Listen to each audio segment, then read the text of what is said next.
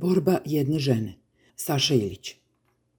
Međunarodni mehanizam za krivične sudove u Hagu konačno je izrekao drugostepenu presudu kojom je general Vojske Republike Srpske Ratko Mladić osuđen na doživotnu kaznu zatvora za genocid u Srebrenici, progone Bošnjaka i Hrvata, terorisanje građana Sarajeva i uzimanje pripadnika Ujedinjenih nacija za taoce. Uoči donošenja ove presude, predsjednik Srbije Aleksandar Vučić je najavio težak dan za srpski narod. Ali ova presuda je u širokom režimskom spektru medija dočekana spremno.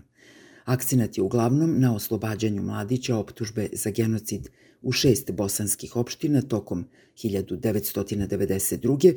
kao i na izdvojenom mišljenju jedne sutkinje žalbenog veća.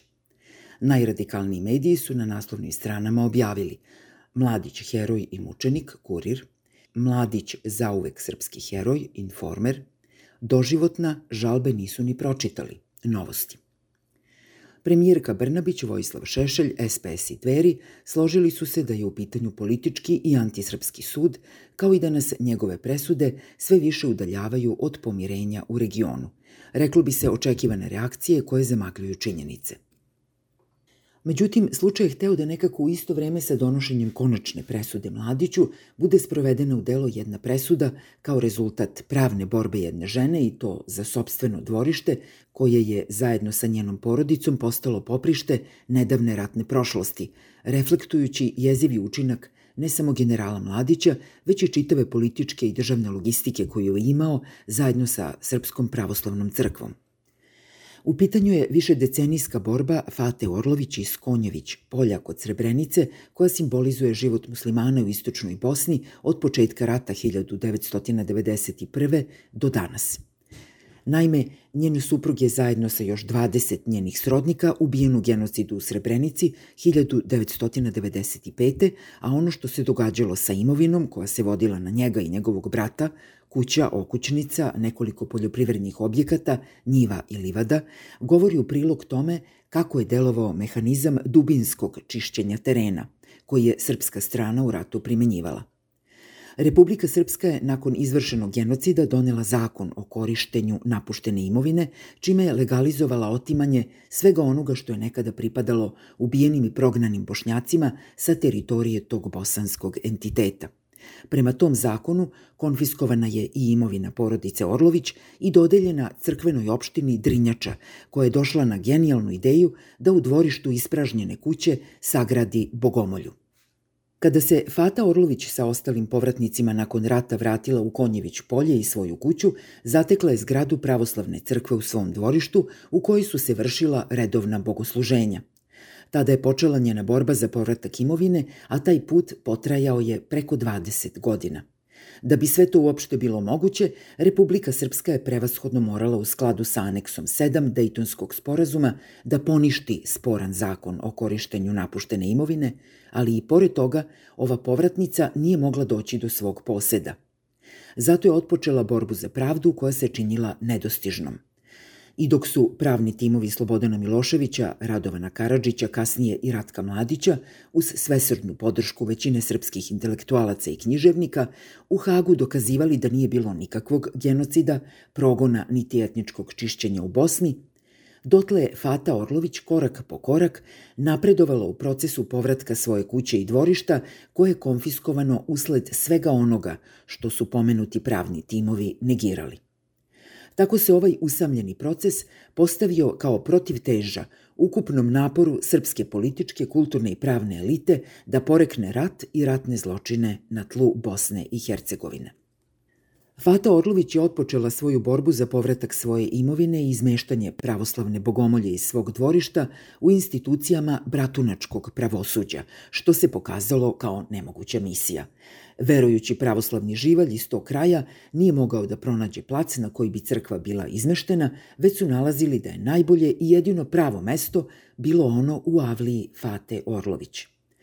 U toj crkvi je povremeno bogoslužio i nosilac najviših odlikovanja Republike Srpske, kontroverzni episkop Kačavenda, koji je zbog optužbi za pedofiliju i zlostavljanje maloletne dece smenjen posle višegodišnjih pritisaka javnosti.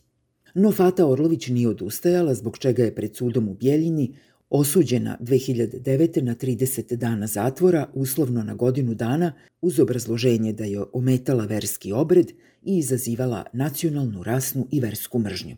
Bila je to jasna poruka vlasti u Republici Srpskoj i bošnjačkim povratnicima da ne mogu da računaju na povratak imovine, te da se moraju zadovoljiti uslovima života pod pritiskom, torturom i svakodnevnim ponižavanjem.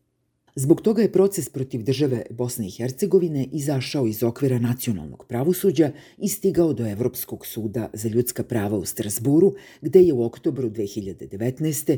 utvrđeno da je učinjen propust vlasti Bosne i Hercegovine da ispoštuju konačne i obavezujuće odluke iz 1999.